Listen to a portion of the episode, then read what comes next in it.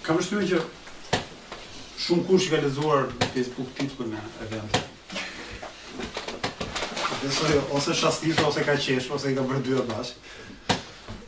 Titulli është qëllimisht shumë i gjatë nga zhvillimi i pabarabartë dhe i kombinuar te revolucioni permanent, që për mos me thënë dhe kjo është dhe një nëntitull të tipit një anatomi trotskiste e revolucionit rus. Unë shpresoj që rrugës së këtij ligjërimi të kemë mundësi t'i sqarojmë si koncepte. Edhe përmes tyre pastaj të të ndihmojnë në kuptimin më të është më të mirë, më kompleks të të një ngjarjeje me rëndësi mjaft të madhe jo vetëm për shekullin e 20, por ndoshta edhe për për më vonë se aq. Po e nis nga nëntitulli, nga anatomia, pse anatomi, që ndoshta, ndoshta revolucionin do ta shohim si lloj organizmi të gjallë, domethënë anatomia përdoret zakonisht për kuptuar strukturën e kafshve, njerëzve, kështu me radhë, e organizmave, themi.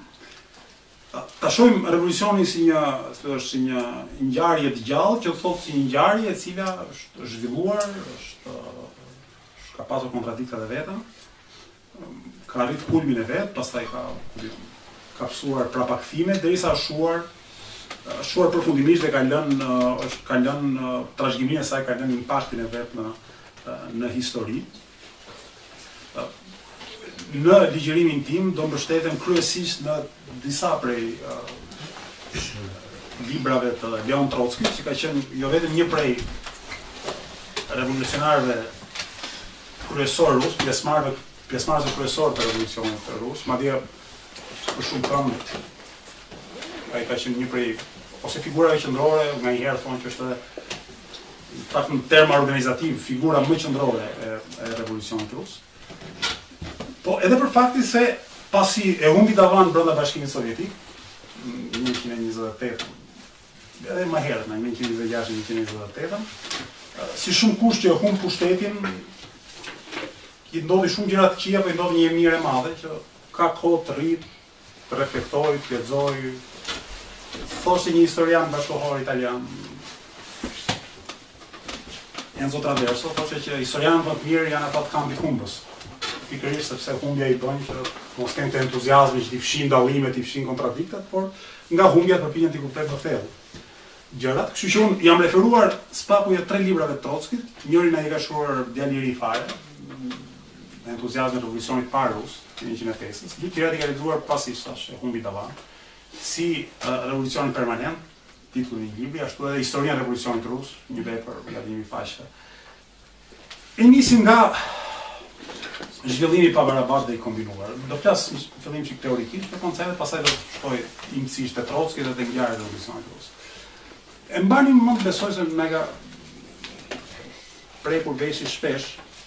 Idenë që, të di unë, Shqipëria për shembull duhet zhvillohet dhe duhet të imitojë filan vend. Propagandimin e modeleve të caktuara të zhvillimit. Në ç'sens kuptoni model zhvillimi? Që një vend është zhvilluar aq shumë dhe aq mirë sa që jo vetëm institucionet e tij shoqërore, ekonomike dhe politike duhen imituar, por edhe procesi i atij zhvillimi duhet imituar. Që në 1991 sigur Ku ish rëndom që hajde ta bëjmë Shqipërinë si Zvicra, deri sot ku thuhet hajde ta bëjmë Shqipërinë si vend i Bashkimit Europian, ekziston kjo ide pra që zhvillimi është kryer siç duhet diku, tani ne hajde ta ta imitojmë. Tani problemi me këtë qasje është se e përfytyron botën sikur është e sikur është sikur është sikur është një arkipelag i përbërë me shumë ishuj të cilët nuk para komunikojnë njëri me tjetrin përveç se nëpërmjet shembullit. Domethënë si puna në Facebook, më shkruan dikush diçka, edhe ai që e shef nga larg i jep një like, thotë sa bukur, jep share e kështu me Ndërkohë që bota nuk është arkipelag, bota ka filluar të bëhet një botë me modernitetin, domethënë unifikohet, të dalin vendet nga izolimi, rajonet nga izolimi. Dhe e bukura e kësaj pune është që Në momentin që bota nis të bëhet një botë, zhvillimi diku ndikon në përparimin ose në pengimin e zhvillimit diku tjetër. Sepse një vend i zhvilluar, sidomos vendet e zhvilluara më së pari, le të themi, e mbështesin zhvillimin e tyre në si të thuash, ristrukturimin ekonomik, shoqëror dhe politik të vendeve të tjera, rajoneve të tjera. Që në këtë kuptim, nëse në Angli për herë të parë lind kapitalizmi, mund të thuhet që lindja e kapitalizmit në Angli nuk është i lidhur drejtpërdrejt me një faktor të jashtëm nga Anglia, nuk mund të thuhet për vende të tjera, të cilat, tek të cilat kapitalizmi lind pasi kish lindur diku përpara dhe pasi kish ushtruar ndikimin e vet nga nga nga Anglia.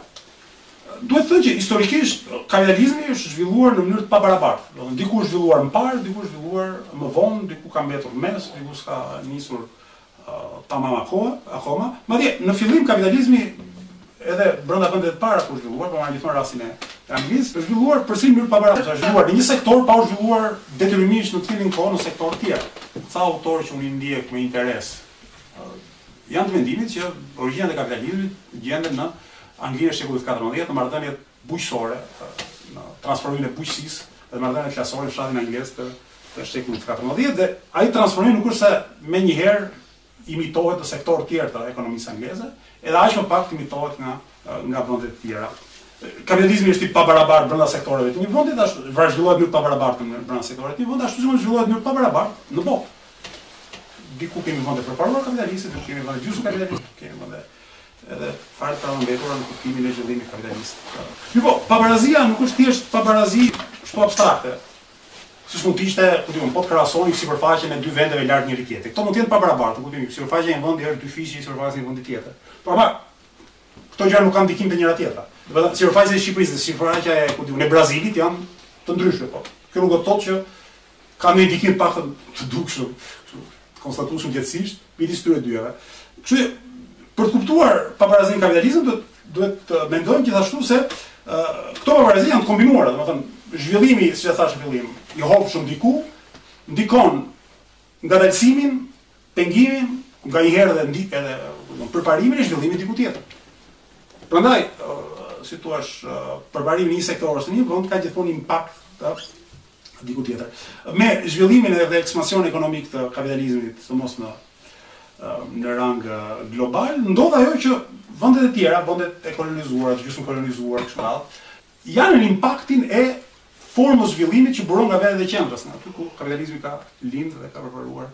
Për, për, për pasojë këto vende koloniale, gjysmëkoloniale e kështu me radhë, ë ristrukturohen ekonomikisht, jo si rezultat i forcave të brendshme, pra jo si rezultat i marrëdhënieve klasore aty brenda, siç ndodhi në vendet e para, por si rezultat i kërkesave dhe i presioneve nga jashtë, që mund të jenë presione tregtare, ekonomike, ashtu sikur mund të jenë presione politiko ë ë ushtarake. Në shekullin e nëntëmbëdhjetë, tek famshmja luftë e opiumit, Kina tentoi të t'i mbyllë kufijtë e vet, fuqitë imperiale perëndimore çuan ca anije me topa e kështu me radhë dhe e detyruan ta hapin me zor për tregtinë e opiumit. Tani këto vendet e qendrës Britania e Madhe në fillim, SHBA-ja, pastaj sa më larg këtyre të dyjave shkon aq më e vështirë është të flasësh.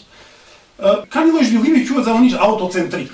Dhe ku zhvillimi dalëngadalë bëhet i njëtrajtshëm. Domethënë, vërtet fillon një sektor, po pastaj meqenëse shteti Ka një lloj uniteti brenda tij shtrihet në të gjithë sektorët. Do të thotë, në këto vende zhvillimi ekonomik, shoqëror është i njëtrajtshëm, domethënë pak a shumë të gjithë sektorët janë njëlloj të të zhvilluar.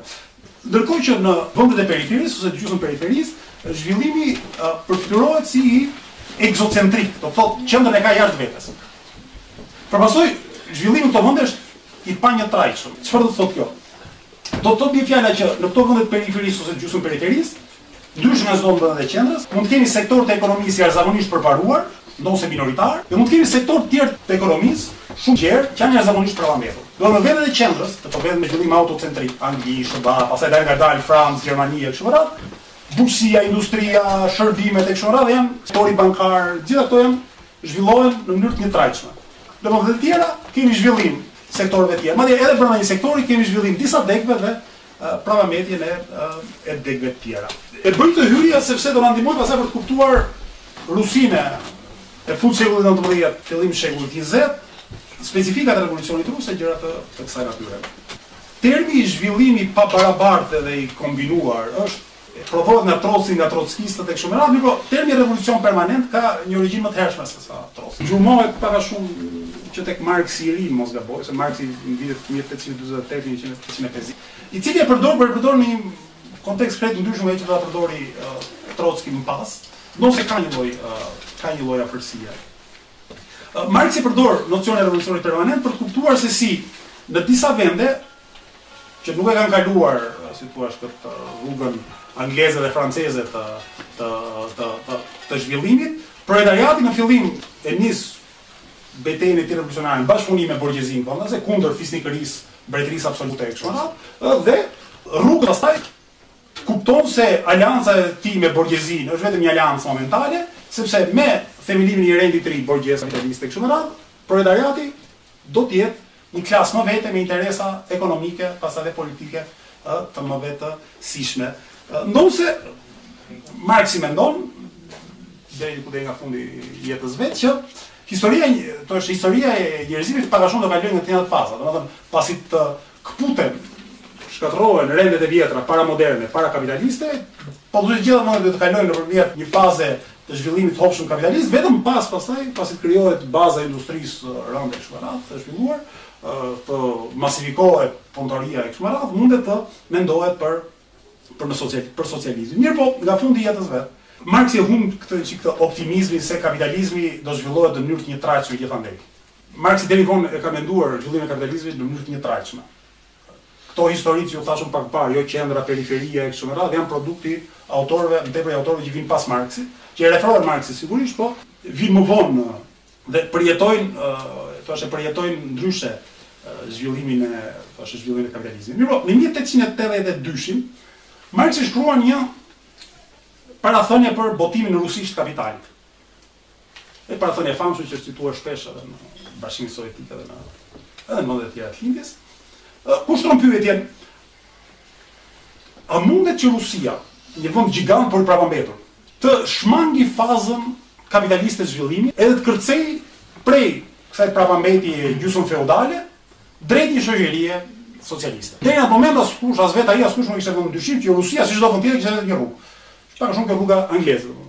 Do lufta e klasave të çojë në triumfin e borgjezisë, lindjen e proletariatit, pastaj këto rrugës pas dekadash apo shekujsh, ku di unë, se kontradiktë me njëra tjetrën do hedhin kushtet e do ndërtojnë kushtet e e kalimit në socializëm. Në mijë e tetëqind e tetëdhjetë e dyshin, duke kuptuar se kapitalizmi paska qenë një bishë çik më komplekse nga ç'kish parashikuar ai në në në fillim, duke qenë edhe i njohur me me disa disa militantë rusë të lëvizjeve të, si t'i them, socialiste në në Rusi. Marksi e vendos këtë pyetje, thotë mos ndoshta në Rusi mund të ruhet ajo që quan bashkësia e vjetër fshatare, pronësia e përbashkët fshatare e tokës, një institucion pak a shumë mesjetar, një institucion që bazohet në faktin që fshatarësia pasi heqi pronën e madhe feudale, zotëron bashkërisht, ku di unë, kullota, ca toka e kështu me radhë. Pra, Marksi shtron pyetjen, kjo komuna, obshina...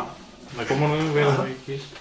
A mund të ruhet kjo komuna, komuna e ashtuquajtur primitive ruse dhe të shërbejë pa u shpërbërë, shërbejë si, si të thuash, si parakusht i kalimit në, në socializëm. Marksi e lë të hapur pyetjen, ndonëse, po është i sigur për një. Nisja revolucionit në, në Rusi do të ndihmojë Çdo lloj revolucioni. Edhe një revolucion demokratik, demokratik borgjez do quaj. Pra do ndihmojë proletariatin perëndimor, pse? Sepse do t'i heqë borgjezisë perëndimore dhe klasës sunduese të perëndimit, aleatin e vet më të madh, më që është absolutizmi rus. Edhe në 1848-ën trupat ruse kanë ndihmuar në shtypjen e revoltave popullore ose punëtore në në në Evropë nga Polonia në në në Francë. Tash Marksi e lë të hapur thotë që ndoshta ndoshta thotë në rast se revolucioni rus kombinohet me ose pasohet me ai ky revolucioni vetëm politik rus, që heq carizmin.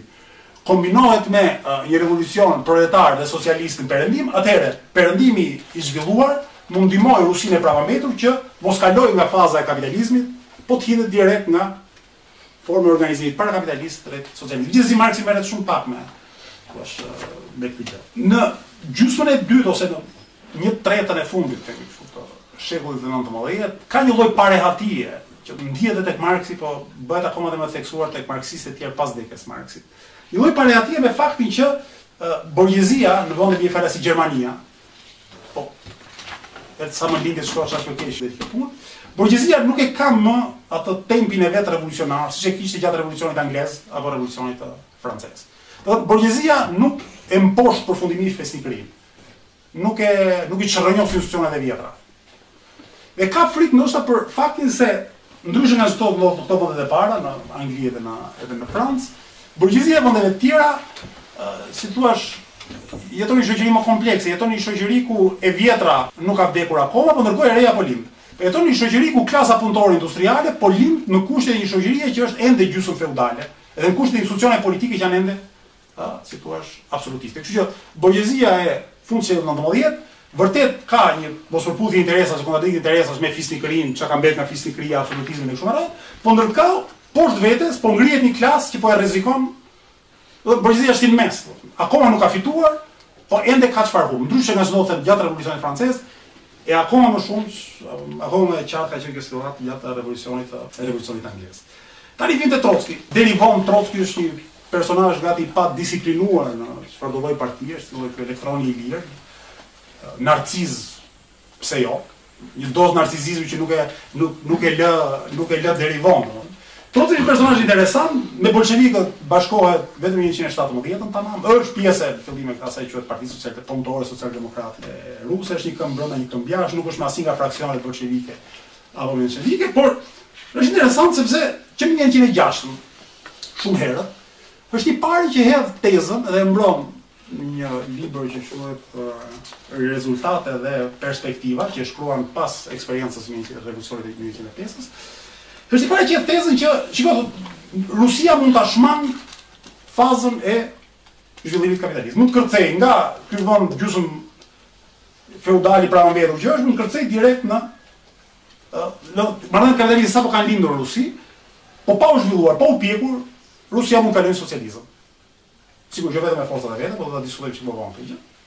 Dhe e dyta është i pari që hedh tezën që proletariati nuk ka pse të ndihmojë borgjezinë në revolucionin që do të hidhte absolutizmin dhe do të shkatërronte përfundimisht impaktin e fisnikërisë, por mund ta marrë pushtetin, mund të jetë klasa le të themi udhëheqëse e revolucionit. Sigurisht që ka autorë që i gjejnë gjurmët e mendimit të tij te një tjetër mendimtar rus, pastaj një çikë aventurier, Parvus e ka pseudonimin, ka një emër që s'e mbaj mend tani. Mirëpo, sigurisht që ai thjesht kishte dhënë ca Edhe nuk është se mendon tamam për një lloj revolucioni social në Rusi, më tepër kishte shpresë tek një lloj uh, revolucioni uh, politik. Tani si i trajton Trotsky specifikat e zhvillimit rus që do t'i mundësojnë proletariatit që të jetë klasa udhëheqëse e një revolucioni që do të kapërcejë kufijtë e një revolucioni borgjez. Çfarë ka specifike në Rusi? Edhe këtu do hyjmë tek i famshmi zhvillimi i pabarabartë dhe i kombinuar perëndimit. Që është një vend gjigant. kuptimin e territorit të. Mirëpo, është një monarki e vjetër, është një monarki siç ishin monarkitë mesjetare ose në fund mesjetës. Nuk është një shtet modern siç lind shteti anglez, pastaj shteti francez. ë e kështu me radhë. Rusia ndryshe nga vendet e Evropës, sidomos edhe e Evropës së, së Perëndimit, Ka një lloj, le të themi, nuk arrin të zhvillojë, as në mesjetë, por edhe deri, por nuk arrin të zhvillojë një lloj feudalizmi, aq karakteristik për Perëndimin, i cili bazohet në një lloj ndarje të pushtetit politik dhe shoqëror midis mbretit nga një anë dhe zotërinjve feudalë nga ana tjetër. Në Rusi, ashtu sikundër në Perandorinë Osmane dhe të gjithë këto monarkitë e vjetra, Ndodh që shteti është më i fuqishëm se sa klasa sunduese. Domethënë, monarku është më i fuqishëm se sa, ku di unë, bojarët, siç quheshin, fisnikët, fisnikët rusë, ashtu sikur sulltani është më i fuqishëm se sa spahinjtë, bejlerët e, e gjëra të tilla. Në këtë kuptim, ky është një sistem, le të themi, dikush e quan feudalizëm ushtarak, dikush e quan sistem i bazuar tek haraçi, pra një sistem ku shteti Një shtet parazitar, por shumë i fuqishëm, është mbi shoqërinë dhe në mënyra të ndryshme shtyp pothuajse gjithë shoqërinë. Domethënë, ky është një shtet i cili ë e nuk shtrydh vetëm fshatarësinë duke i marrë tepricat, por në njëfarë kuptimi pengon edhe zhvillimin e një fisnikërie të pavarur, pronare toke, që do të mund ta rivalizonte në të si të thuash në të ardhmen. Kështu që Thotë Trocki, roli i shtetit rus nga mesjeta e këtej, në terma klasor është ai i ngadalësimit të diferencimit klasor në në sidomos në në fshatin rus. Cila është arsyeja strukturore e kësaj? Është presioni evropian. Evropa po modernizohet nga pikëpamja ekonomiko shoqërore dhe politike dhe për t'i bërë ballë këtij zhvillimi uh, evropian, shteti rus si të thuash, mbyllet në vetvete edhe shndërrohet në një lloj absolutizmi, absolutizmi ushtarak. Biles edhe reforma, ku di, e Pjetrit të Madh a gjëra të tilla janë më tepër mënyra për të imituar organizimin administrativ dhe ushtarak të perëndimit, pa imituar dot organizimin ekonomik të Perëndimit. Pra si të kemi një, ku di unë, administratë eficiente, një ushtri eficiente, kjo ndodh edhe në Perandorinë osmane me këto reformat e shekullit të 19, po pa prekur dot marrëdhëniet klasore në në fshat, pa prekur dot rolin e shtetit si taksidar që shtrydh fshatarin edhe nuk i lë pavarësi as fisnikërisë për të na, si të thuash, për të për transformuar për të transformuar marrëdhëniet marrëdhëniet ekonomike. Ndaj dhe, thotë Trotski, po t'i shohim qytetet ruse, prej mesjetës deri në deri nga, thotë, mesi i shekullit 19, do të vëmë re që ato nuk kanë nuk kanë karakter ekonomik. Qyteti është qendër ushtarake administrative. Ndryshe thotë nga qytetet evropiane, që janë vende të tregtisë, janë vende të prodhimit artizanal, të zanatçinjve, të esnafeve, kështu me radhë, qyteti rus Unë përsëri do heq herë pas here paralele me Perandorinë Osmane dhe duke hequr paralele me Perandorinë Osmane do shkoj te Shqipëria. Ë? Se kjo është e mira e kësaj pune. Ë qyteti rus thotë nuk ka karakter ekonomik. Qyteti tradicional rus është karakter administrativ edhe ë edhe ushtarak. Dhe jetojnë ca njerëz që janë thjesht në punën e shtetit.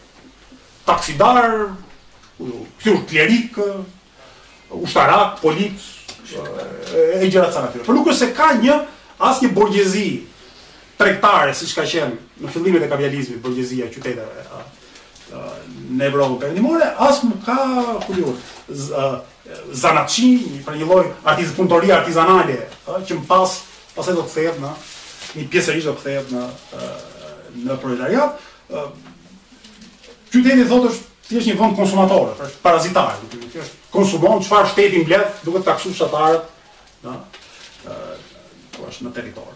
Mirëpo, nga mesi i shekullit të nëntëmbëdhjetë, sidomos pas luftës së Krimesë, ku shteti rus i bie në dhëmbë, e humb luftën me aleancën turko, franceze, angleze, apo ishin gjithë bashkë shteti rus, shteti rus që e përfytyron veten një gjigand ushtarak e kështu me radhë, kupton me humbjen e me disfatën ushtarake, kupton që kohët kanë ndryshuar. Që nuk mjafton thjesht të kesh shumë ushtarë, se fundja shtetet e mëdha dhe të prapambetura këtë avantazh kanë që fusin ushtarë. Jo, fusin ushtarë kur luftohet me shpata, kur që të qëllosh një herë me pushkë, do ta do të një minutë për ta mbushur pushkën prapë. Kur si thua armët modernizohen, Nuk fitohet lufta me turma njerëzish që të turren përpara. Çka e mësojnë edhe osmanët, këtë mësim përpara e kështu me radhë. Prandaj, shteti rus tenton të të modernizohet, të fusë nga lart, të imponojë le të themi, në vende të caktuara, në zona të caktuara, në sektorë të caktuara marrëdhënie kapitaliste të prodhimit. Mirëpo, borgjezia nuk ekziston kurrkund. Borgjezia në kuptimin e brendshme ruse. Sigurisht mund të ekzistojnë ca tregtarë të vegjël, sigurisht ndërmjetës të tregtisë me jashtë, por që Synimin e kanë tek eksporti i të mirave në perëndim dhe jo tek përfshirja e zonave tjera të të vendit në në jetën ekonomike. Kështu kjo do të thotë se pjesa më e madhe e kapitalit të investuar ose pak një pjesë e konsiderueshme e kapitalit të investuar në fund të shekullit nëntëmbëdhjetë dhe në fillim të shekullit është kapital i huaj. Unë gjeta një shifër ku thoshte që Trocki me sa thoshte që 40% e kapitalit të investuar në gjithë Rusinë është e huaj, por po të shohim sektorët kyç të industrisë, aty shumica e kapitalit Është e huaj. Kjo thotë se në Rusi, borgjezia si mund të vinte një borgjezi në rrugë të shtetit, se për sa bashkëveprimin e kapitalit huaj, kjo është borgjezi e dobët. Sepse është dobët lidhje me shtetin, në varësi të shtetit, Trocki thotë që kapitalizmi rus erdhi si fëmijë i shtetit, ndryshe nga sikur thonë në perëndim, por edhe është dobët në raport me kapitalin e huaj. Është në varësi të të të kapitalit huaj. Ku kombinohet zhvillimi këtu? Kombinohet te fakti që në Rusi si rezultat i investimit fort, fort në kuptimin intensiv në në disa sektorë edhe në një kohë të shkurtër të kapitalit të të huaj dhe vendas, kemi kemi një një panoramë ekonomike dhe klasore interesante. Kemi ca zona ku investohet fort kapitali, ndërtohen industri të mëdha e kështu me radhë, fabrika të mëdha, futen qindra punëtorë të punojnë aty brenda, dhe pastaj kemi një masë të madhe territori dhe popullsi që jeton si para disa shekujsh. Fshatërsia ruse për fshatërsinë ruse s'është se ndryshon asgjë. Ndonëse, ku di unë, Petrogradi, Moska, këto vendet e zonave të Kaukazit, e kështu me radhë, kanë një lloj hovi industrial, Pjesa tjetër e Rusisë që është zemra e Rusisë ë nuk është si është një lloj si ë si më parë. Po i kthehem pra borgjezisë. Sigurisht lind borgjezia ruse, zhvillohet borgjezia ruse, por është një borgjezi e e varur nga shteti, është e varur nga shteti rus, është e varur nga kapitali i i huaj, është njëkohësisht e frikësuar nga fisnikëria ruse, ato pronarët e mëdhenj të tokave në Në fshat janë dhe pjesë e elitës politike pastaj, ëh, se gjithmonë fisnikëria është ka edhe pjesërisht ka edhe ka edhe një lloj uh, pushteti politik. Dhe kjo nuk është vetëm karakteristikë e Rusisë, domethënë kjo është karakteristikë në përgjithësi e vendeve ë të Evropës lindore. Një marksist rus që pastaj u bë liberal, pastaj u bë fare reaksionar, domethënë, u bë kur u bë zëdhënës i ushtrive të bardha. Peter Struve, po kur ishte marksist, shkruan diçka interesante, 1898. Shkruan thotë se sa më lindje, sa më në lindje të Evropës të shkosh, aq më e poshtër, më frikacake dhe më e dobët politikisht është është borgjezia. Dhe aq më të mëdha janë detyrat kulturore politike që bien mbi shpinën e proletariatit e kështu me radhë. Është një gjë që ku po ta lexosh edhe në edhe në kur mendon bie fjala Shqipërinë sot, ose vende si Shqipëria sot, duket sikur ka një lloj ka një lloj vlere. E thonë, sa më lindje të shkosh, aq më frikacake e dobët edhe e poshtar është borgjezia sepse është si thua është është një klasë gjysmë parazitare domethënë i mungon fuqia ekonomike që të shfrytëzojë si shfrytëzon siç është borgjezia gjithandej po të paktën të përparojë përmirësojë produktivitetin në të rrisë të rrisë të përparojë le të themi mjetet e e prodhimit Nga ana tjetër, proletariati është, është një klasë në fund të 19-ës fillim të 20-ës po rritet shumë shpejt. Sigurisht është shumë e vogël në numër, numerikisht. Jo, po, është në rritje të shpejtë, por mbi të gjitha është e përqendruar. Është përqendruar në pak qytete. Pikërisht në ato qytete ku është zemra ekonomike e vendit dhe zemra politike e vendit. Fakti që zhvillohet më vonë kapitalizmi rus. Ë, uh, i jep një përparësi proletariatit rus. Sepse fabrikat e reja që po hapen në Rusi, Qëllojnë të jenë më të mëdha, të punësojnë më shumë punëtorë, edhe më, le të themi, të jenë më të përqendruara, se edhe në vendet më të përparuara kapitaliste. Është kjo e famshme fabrikë Putilov në në në Petrograd. I jam referuar një historiani të Trockit, Isak Dojçerit, i cili thotë që të paktën gjysma e proletariatit industrial rus thoshte punonte në fabrika ku ishin të punësuar mbi 500 punëtorë. Që për kohën, kjo ishte një shifër si thua shumë e madhe. Në qoftë se proletariati në Perëndim ishte më i njëjtajtë, më shumë le të themi më fillonte nga fabrikat më të vogla dhe fabrikat më të mesme deri te fabrikat më të mëdha, domethënë proletariati rus ishte gjysma e tyre ishte i përqendruar në fabrika jo vetëm të mëdha po shumë të mëdha. Fshatarësia nga ana tjetër jetonte në kushte, thuaj, nuk ishte bujkrobe në kuptimin formal të fjalës. Ky Aleksandri i dyti, ë, po ç'do të thoshte emancipimi i skllevërve, thoshte pak a shumë që skllevërit nuk kishin më detyrimin që të punonin pa pagesë në tokat e zotërisë. Në shoqëritë feudale ndodh kjo që fshatarët janë pronarë të një ngastre të vogël toke. Feudali është pronari i një mase të madhe toke, tani fshatarët përveç se kanë masë të vogël toke, kanë detyrimin që feudalit t'i paguajnë taksat,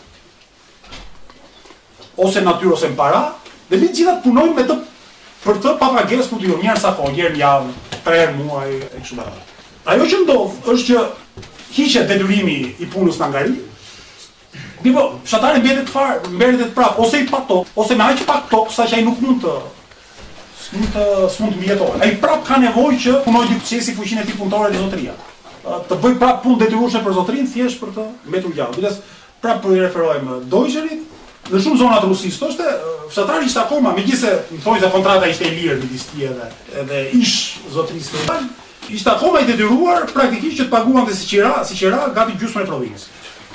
Kjo është gjendja e fshatarësisë, domethënë e kësaj klase gjigante ruse, po e, e si thua, mjaft e prapambetur. Gjendja ekonomike e Rusisë para dhe gjatë luftës së parë botërore është një gjendje Megjithëse ka ka nisur zhvillimi i kapitalizmit edhe në ca zona është i hovshëm prapë është krahasuar me me me vende e përparuara të Evropës kapitaliste, është mjaft e prapambetur. Po ja vetëm një shifër, në vitin 1914-1917 Rusia kishte thirrur 15 milion ushtarë për luftën e parë botërore. Ama mund të prodhonte vetë vetëm 3.3 milion pushkë. Të tjerat duhet t'i importonte nga aleatët. për të treguar që ishte duke u kacafytur me Gjermaninë, një vend i zhvilluar industrial e kështu me radhë, ë dhe mund të prodhonte industria ushtarake që gjatë luftës zakonisht është industria ku është është mbështetja më e madhe, mund të siguronte sa i bie një të pestën pushkëve. Tani Trotsky në 1906 kritikon këtë tezën e të ashtuquajturit marksizëm ortodoks të dy fazave. E përmend edhe tek Marksi në fillim, domethënë që Në vende ku s'ka ndodhur akoma zhvillim kapitalist, pritet të ketë dy faza ndryshimesh. Faza e parë që është, i ashtuquajturi, revolucion demokratiko-borgjez, pra është një fazë që rrëzon absolutizmin politikisht, shfuqizon ekonomikisht dhe shoqërisht fisnikërinë. Kemi, do të kemi zhvillim të lirë Të kapitalizmit edhe më vonë në fazën e dytë mund të flitet për revolucion socialist. Trotsky thotë që në vende si Rusia nuk ka kuptim kjo gjë. Da, se borgjezia nuk mund bëjë kurrë revolucion demokratiko-borgjez. Borgjezia ruse nuk është borgjezia franceze, nuk është borgjezia angleze. Jo kuptimin kulturor të fjalës. Po kuptimin që zhvillimi i Rusisë është i tillë, kujtoni, domethënë borgjezia është klasë e dobët, është e varur nga shteti, është e varur nga kapitali huaj, është e lidhur fort me fisnikërinë. Saqë nuk ka për të bërë kurrë revolucion demokratiko-borgjez. Domethënë, çështja është që këto dy faza duhet të shkrihen në një. Kjo është ideja e revolucionit permanent të Trockit. Kjo është risia që bën ai në idenë e revolucionit permanent. Prandaj është permanent revolucioni që ti nuk është revolucioni i parë, presim ca dekada pastaj revolucioni i dytë. Jo, revolucioni i kalon me vrap shkallën. Borgjezia bie fjala, nuk ka mundësi të bëjë atë që bën borgjezia franceze, të ndajë tokat fshatarëve. Se një nga masat E para, zoti Buqari, borgjeze është kjo që thyen pushtetin e çifligarëve, fisnikëve në fshat, i merr tokat e tyre dhe i ndan pak a shumë barazish midis familjeve fshatare dhe mundëson kësisoj që përmes konkurrencës prodhuesve të vegjël në fshat të lindë një lloj borgjezie agrare. Kjo nuk ka për ndodhur në Rusi.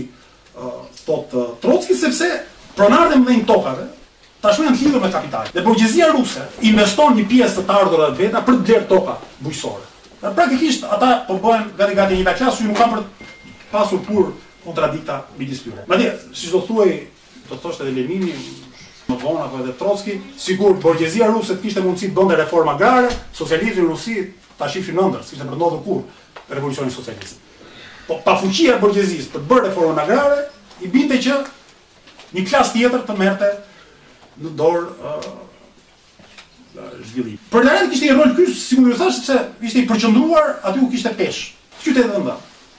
Ndërtimi i hekurudhave kështu kishte mundësuar që gjithçka të komunikonte me le të themi me me qytetet. Thotë Trotski, me 1000 punëtorë hekurudhash, Kanë peshë politike më shumë se miliona fshatarë, për një arsye të thjeshtë, se një mijë punëtorë kur duan, bllokojnë ekonominë e vendit. Një milion fshatarë është një këtu e një atje. Një milion fshatarë janë një statistikë, nuk janë kurrë bashkë. Mund të thuash ti, populli ynë është milione, kaq milione, aq milione, kështu me radhë, por kjo është thjesht statistikë, popullsi është, popullatë. Nuk nënkupton organizim, të qenurit bashkë, veprim të koordinuar, e kështu me radhë. Nga ana tjetër, Trotski është ideja që Ka diçka irracionale në tezën e menshevikëve, por asokohe edhe të pjesës të të një pjese të bolshevikëve, që thonë që vërtet borgjezia është e dobët. Proletariati duhet ta ndihmojë borgjezinë në mposhtjen e, si klasa më vitale e shoqërisë, duhet ta ndihmojë borgjezinë në mposhtjen e carizmit atë të të si thua fisnikërisë, pastaj çfarë do të bëjë pushtetin politik? Duhet t'ia kthejë, duhet t'ia kthejë borgjezisë. Trotski thotë ky është budallëk. Në qoftë se një klasë e merr pushtetin, është marrëzi që atë pasi e ka marrë t'ia dorëzojë një klase që deri dje nuk ka bërë asgjë. Cili ishte raporti midis proletariatit dhe fshatarësisë? Trotsky thotë që fshatarësia është një është një klasë që e ka të pamundur të organizohet në mënyrë të pavarur. Shtrirja e madhe në territor. Veçimi fshat në fshat e kështu me radhë.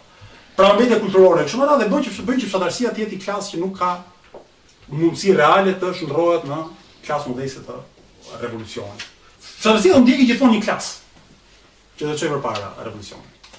Ose do ndjekë borgjezinë si në rastin e revolucionit francez, ose do ndjekë proletariatin në rastin e e revolucionit rus.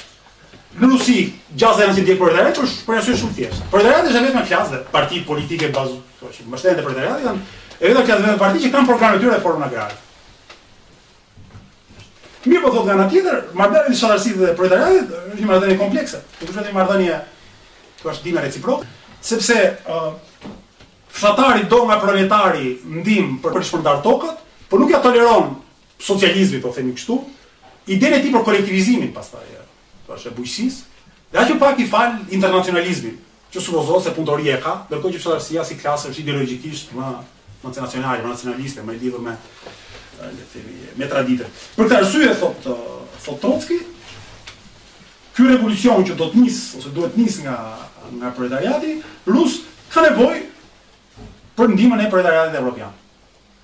Revolucioni mund të nisë në Rusi. Mund të nisë rruga drejt socializmit në Rusi, thotë Trotsky. Por ajo vetëm mund të nisë, nuk mund të përfundojë kurrë. Nuk mund të përfundojë në qoftë se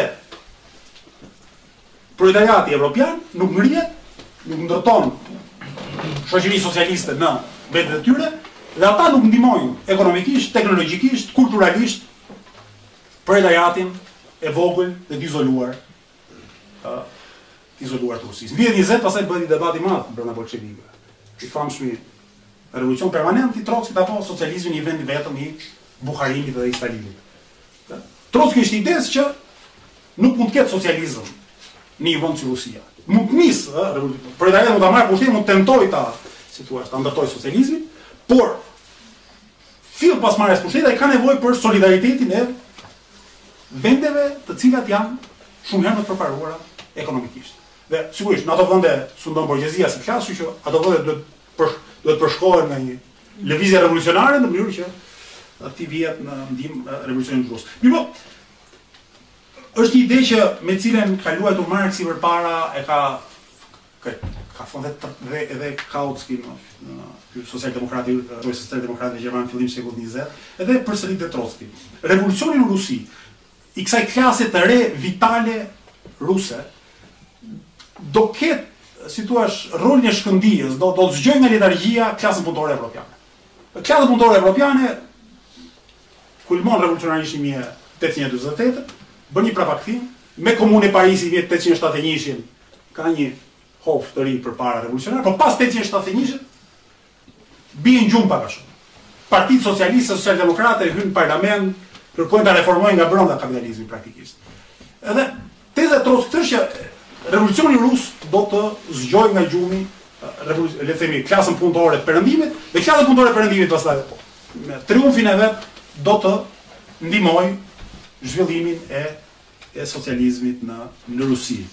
Trotski këtë model të Rusisë, më vonë pastaj e propozon edhe për vendet e tjera, sidomos vendet që janë edhe më të prapambetura se Rusia, vende koloniale ose gjysmëkoloniale, dhe thotë që në ato vende, njëlloj si në Rusi, borgjezia është një klasë, është një klasë frikacake, një klasë që kurrë nuk do ta nuk do ta marrë seriozisht rrëzimin e rendit të E rendit të vjetër dhe e vetmja shpresë mbetet tek tek proletariati. Ka një debat të fortë politik dhe intelektual brenda Partisë Bolshevike, diku nga njëzet e pesë apo njëzet e gjashtë, a nuk e mbaj mend mirë. Po që ka të bëjë me me atë që quhet revolucioni, tentativa e parë e dështuar e revolucionit kinez. Klasa punëtore në Kinën e kohës i ngjan pak a shumë klasës punëtore të Rusisë Mijë e nëntëqind e pesë ose një mijë e nëntëqind e shtatëmbëdhjetë. Domethënë, si rezultat i zhvillimit të pabarabartë dhe të kombinuar, kemi në disa zona të të Kinës, këtej nga këto qytetet e bregut, kemi, si thua, zhvillimin e e klasës punëtore pra në Kinë, por njëkohësisht kemi edhe një borgjezi kombëtare që ka një lloj natyre disi antiimperialiste, të bazuar te Kuomintangu, edhe të udhëhequr nga në fillim nga Sun Yat-seni, po pastaj nga Chiang Kai-shia. Dhe në Partinë Bolshevike, Bashkimin Sovjetik pastaj, bëjnë debat midis Trockit në njërën anë dhe Stalinit dhe Buharinit në anën tjetër. Sepse Trotski thotë që Partia Komuniste Kineze dhe proletariati kinez nuk mund të mbajë shpresë, nuk mund të mbajë varur shpresa tek borgjezia kineze në luftën e saj kundër imperializmit. Ka nevojë për aksion të pavarur dhe ka nevojë që në rast se e sjell situata të luftojë edhe me Kuomintangun. Stalini është i idesë që jo, duhet mbështetur me të gjitha forcat Borgjezia kineze dhe Kuomintangu dhe klasa punëtore dhe partia komuniste kineze do të jenë aleatë të tyre. Deri në momentin kur, kjo do deri në momentin kur Çaj Kan, Çan Kajshia dhe forcat e Kuomintangut i, i masakrojnë komunistët kinezë, masakrojnë punëtorët në demonstrata në këto qytete të tash e mëdha e mëdha kineze. Edhe trockistët marrin hov duke thënë që duhej përdorur strategjia e asaj që ata i quanin revolucioni permanent. Çfarë ndodhte ose si mendohej puna e revolucionit nga aktorët e tjerë politikë në në Rusi. Prej një mijë e nëntëqind e tre, nëntëqind e katër Rusia kishte dy forca që pretendonin të përfaqësonin klasën punëtore ruse. Bolshevikët dhe menshevikët. Megjithëse deri vonë konsideroheshin formalisht si pjesë e të njëjtës parti, Partisë Socialdemokrate Ruse, por praktikisht operonin si dy parti. Ata ndaheshin në disa pika, ndaheshin në çështjen e organizimit. Po ndaheshin edhe në këtë Që menshevikët i përkisnin asaj që quhej marksizmi ortodoks, idesë së dy fazave, një herë revolucion demokratik e borgjez, konsolidim i kapitalizmit, pastaj më vonë revolucion socialist. Meqenëse kishin këtë tezë, ata mendonin që aleatja e klasës punëtore do të ishte borgjezia. Borgjezia ruse. Pra, borgjezia ruse dhe klasa punëtore ruse kundër fisnikërisë, carizmit, e kështu me radhë. Menshevikët ushqenin një lloj skepticizmi ndaj fshatarësisë. E konsideronin, e konsideronin një klasë sigurisht të shfrytëzuar, por edhe një klasë politikisht dhe ideologjikisht mjaft mjaft reaksionare. Shpeshherë i janë referuar një një libërthi, një pamfleti politik të Marksit, të quajtur Tetëmbëdhjetë Brymeri i Lui Bonapartit, ku Marksi thotë që në Francën e e pas një mijë e tetëqind e dyzet e tetë-s, Kemi një lloj ekuilibri të raportit midis borgjezisë dhe edhe proletariatit, dhe në krye të vendit vjen një diktator, mbështetja sociale ose klasore e të cilit është borgjezia e vogël, mikroborgjezia dhe mbi të gjitha fshatarësia. Një klasë që prej prapambetjes intelektuale etj kërkon një udhëheqës të fortë e gjëra të kësaj natyre. Kështu që Edhe menshevikët mendonin që fshatarësia është një klasë me potencial reaksionar. Domethënë, vërtet ka interesa ekonomike, por ama po i thirri prifti i fshatit, do marrin sfurqet edhe siç dëbonin dikur narodnikët, do dëbojnë edhe aktivistët menshevikë apo apo bolshevikë. Bolshevikët nga ana tjetër, domethënë, referohem një çikë shkrimeve të Leninit këtu, ishin diku midis menshevikëve dhe tezës së Trockit. Në një mijë e nëntëqind e pesën, Lenin shkruan një libër që s'e kam titullin këtu, po rëndësi ka koncepti që përdor ai. Ruan idenë e dy fazave, 1905. Ai thotë, do të ketë dy faza revolucioni rus, edhe Lenini. Demokratiko borgjeze dhe pastaj socialiste. Mirëpo, këtë fazë të parë, ai e quan diktatura revolucionare e proletariatit dhe fshatarësisë. Fjala diktaturë atëherë peshonte më pak se sot? Ishte e kollajtë, thuaje edhe diktaturë demokratike, sot, do të thotë, është mjaft e habisme. Po sepse ë në traditën intelektuale marksiste, demokracia është një, thuash, është një koncept ka një prerje klasore. Demokracia në një shoqëri klasore është demokraci që thonë brenda klasës sunduese. Dhe është diktaturë në raport me klasat e tjera. Në këtë kuptim, një marksist i shekullit 19 i quante shoqëritë e sotme diktatura të borgjezisë. Në kuptimin që, nëse i shkon mëndja ndokujt që të përmbysë rendin kapitalist, pastaj do ta shihni fytyrën e vërtetë të shtetit. Shteti do harrojë tolerancën, të drejtat e njeriut e e kështu me radhë. Ideja e Leninit një mijë e nëntëqind e pesë është kjo që vërtet na duhet një revolucion demokratiko borgjez. Po, në një farë kuptimi na duhet një revolucion demokratiko borgjez pa borgjezinë. Na duhet ta themelojmë Një shoqëri kapitaliste pa ndihmën e borgjezisë. Duhet të mendojmë, thotë Lenini, një situatë ku klasa punëtore, bashkë me fshatarësinë, po duke e udhëhequr fshatarësinë, klasa punëtore e parë dhe fshatarësia e dytë, kanë pushtetin politik, por i lënë borgjezisë pushtetin ekonomik. Dhe kjo është teza e Leninit. Që pastaj do ta ndryshojë rrugës, po Trotsky thotë, çfarë kuptimi ka që ne të kemi zyrat e shtetit, ata të kenë fabrikën. Ça kuptimi ka që klasa punëtore është në është në pushtet, po kur futet në fabrikë ul kokën dhe i thotë pronarit ti je mbreti. Jo, Lenini thotë që zhvillimi i pamjaftueshëm i Rusisë e bën tentativën e socializmit e bën një utopi të rrezikshme. Ne na duhet thotë ta zhvillojmë kapitalizmin, ta fuqizojmë ekonomikisht borgjezinë, jo politikisht, të zhvillojmë forcat e prodhimit, eknologji, teknologjinë e kështu me radhë, Dhe vetëm pastaj të mendojmë se ç'mund të, se ç'mund të vijë më pas. Kjo e famshme diktaturë revolucionare e proletariatit dhe borgjezisë do bënte ca gjëra që borgjezia nuk do guxonte t'i bënte. Për Leninin borgjezia ka frikë ta çojë revolucionin borgjez deri në fund, se është një klasë e dobët. Do bënte me një fjalë ndarjen e tokave, reformën agrare. Do, si t'thuash, siguronte lirinë politike, të famshmen demokraci parlamentare. Dhe do të mundësonte përmirësimin e kushteve të punëtorëve. Kjo do ishte detyra e asaj që Lenini e quan në mijë e nëntëqind e pesën diktaturë revolucionare e proletariatit politike. Jo socializmi. Në sferën ekonomike nuk shkon më shumë se sa përmirësimi i kushteve të punëtorëve, ëh, tetëorëshi, ku di unë, pushimet e paguara, gjëra të kësaj natyre, e drejta e organizimit e gjëra të tilla. Madje është interesante, po e citoj, se si në 1905-ën, Lenini shkruan, Për ne, thotë, por ne, thotë, marksistët, duhet ta dimë se nuk ka dhe as mund të ketë rrugë tjetër drejt lirisë së vërtetë të proletariatit dhe fshatarësisë borgjeze dhe të përparimit borgjez. Me analizën që bëra deri tani ka kuptim kjo gjë që ti thua sipërfaqësisht nëse dikush e lexon rrugë thotë që ka kështu lajm i rrem. që ka citim nga Lenini që thotë nuk ka rrugë tjetër drejt lirisë për vetë për punëtorin se sa nëpërmjet lirisë borgjeze. Sepse për të, një shtet borgjez do të thotë një shtet parlamentar demokratik, ku është bërë reforma agrare, edhe ku punëtoria ka ca drejta, pa pas pronësi mbi mjetet e prodhimit. Pak a shumë vendet liberal sociale apo social demokrate që do zhvilloheshin do zhvilloheshin më pas dhe ideja e tij është kjo që vetëm pas një periudhe relativisht të gjatë konsolidimi të këtij lloj shteti kësaj lloj shoqërie, klasa punëtore do shumohet në numër, do të konsolidohet, do edukohet politikisht mbi të gjitha. Dhe vetëm pastaj do të mundet që kontradiktat midis saj dhe borgjezisë të çojnë në të çojnë në socializëm. Mirëpo, me kalimin e kohës dhe Lenini e humb shpresën. Në një shkrim të një mijë e nëntëqind e dhjetës, ai thotë që në Rusi, thotë ai, nuk do të ketë liri derisa masa e gjerë e popullit do t'u zënë besë liberalëve. Se liberalët gjithmonë janë ata që i bashkohen revolucionit kundër carizmit, pastaj e lënë në mes, pastaj shkojnë te kompromisi. Se kanë gjithmonë diçka për të humbur, domethënë. Liberali është një, ku di unë, pronar fabrike, një tregtar.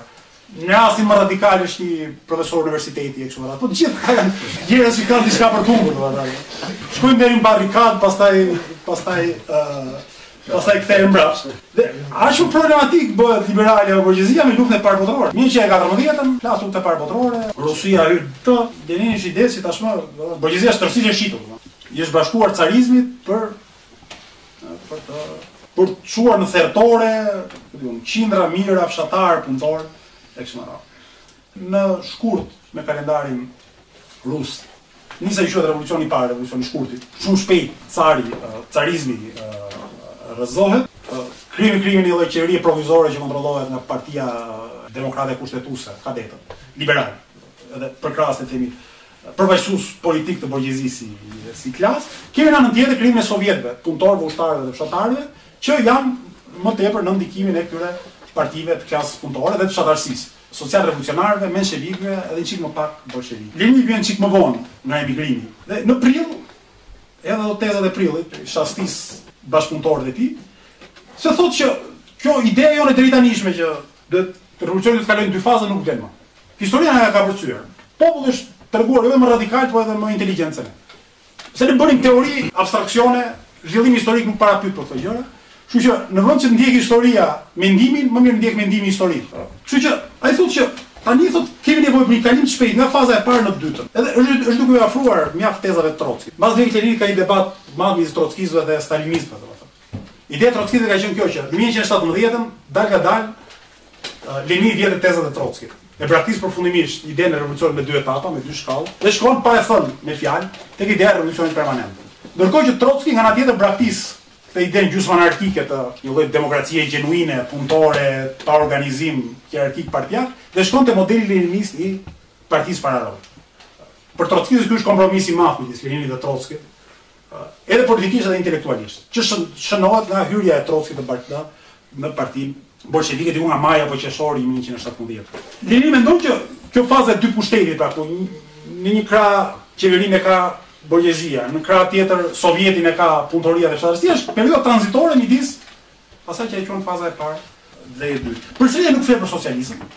Po flet për pushtet punëtorësh dhe fshatarësh që ë që do do të kenë kontroll, do të kenë në kontroll shtetin edhe do të kenë ndikim në le të themi në në jetën ekonomike edhe në edhe në fabrika. Tani ajo që ndodh mbas 7 nëntorit me kalendarin tonë 25 tetor 1917 me kalendarin rus është që bolshevikët e marrin pushtetin, nisin sigurisht marrjen e masave kolektivizimit, themi fabrikave, jo kolektivizimit, shtetëzimit të fabrikave kyçe, Ndonëse ka gjithmonë një lloj ambiguiteti, që theksohet shumë në njëmijë e nëntëqind e njëzet e njëshin ku bolshevikët i hyjnë asaj që quhet politika e re ekonomike, NEP-i. Ka një lloj ambiguiteti sepse Lenini gjithmonë është i idesë dhe bolshevikët, pjesë e mirë e bolshevikëve është i janë të idesë që vetëm revolucioni në Perëndim mund të ndikojë që klasa punëtore të përparojë drejt socializmit. Domethënë klasa punëtore nëpërmjet partisë saj e kështu me radhë, kjo ishte teoria, ka pushtetin politik, me ndihmën e fshatarësisë, mirëpo nuk mund të ketë tërësisht kontrollin e ekonomisë. Kështu që me NEP-in sidomos më nëntëqind e njëzet e njëshin bolshevikët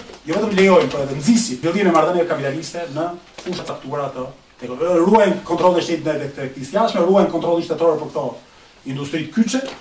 Mirëpo lejojnë edhe madje tërheqin edhe kapital të huaj për në sektorë të tjerë të të ekonomisë dhe Lenin e quan këtë fazë një lloj kapitalizmi shtetëror. Shteti është në, domethënë, shteti ka në pronësi një pjesë të kapitalit, pjesën tjetër e jep me koncension, është interesante që Lenin flet për koncensione, aso kohë, i quan disa herë, pra thotë, le t'ia japim me koncension sektorë të caktuar të ekonomisë. Sepse dimë që borgjezia do të do të si do avancojë mjetet e prodhimit. Borgjezia le të themi do do të bëjë që fabrikat të punojnë në mënyrë eficiente sipas modelit kapitalist të prodhimit. Mirëpo, kontradika cila është? Borgjezia i bën, i bën më efiçente mjetet e prodhimit, po në kurriz të klasës punëtore. Dhe s'do të thotë që pronari i fabrikës të jetë privat. Nuk do të thotë thjesht efiçencë, efiçenca është koncept shumë abstrakt, po efiçenca është efiçencë mbi njerëzit. Dhe është intensifikimi i i i i shfrytëzimit të klasës punëtore. Dhe lindin kontradiktat brenda vetë partisë bolshevike, apo quhet quhet ca opozita e opozita punëtore e quhen në fillim. Pikërisht duke thënë ku përfundoi revolucioni kur borgjezia vetëm kthehet, por Punët shkojnë si si dikur. Teza e Leninit është po mirë, por ne kemi pushtetin politik, thotë. S'ka problem. Ne prapë kontrollojmë degët kyçe të ekonomisë. Mirëpo, teza e opozitës punëtore, kështu quheshin aso kohe, që kulmoi pastaj me këto marinarët e Kronstadtit që ngrinë krye kundër pushtetit bolshevik në emër të idealeve të revolucionit. E akuzojnë bolshevikët si tradhtarë të revolucionit, si po i shiten borgjezisë, madje edhe borgjezisë ndërkombëtare, është pikërisht kjo që përgjigja le të themi e e e tyre është që me rifutjen e marrëdhënieve kapitaliste në në prodhim, në degë të caktuara të ekonomisë, dalëngadalë po rritet influenca e borgjezisë si klasë në ekonomi dhe nuk është e largët dita kur borgjezia do të ritentojë sërish pushtetin politik. Historia pastaj me Stalinin me shumë rradhë çfarë ndodh nga me 1926 e tutje është temë që vlen për ndonjë për ndonjë ligjëratë më vete. Mirë, kaq ishte.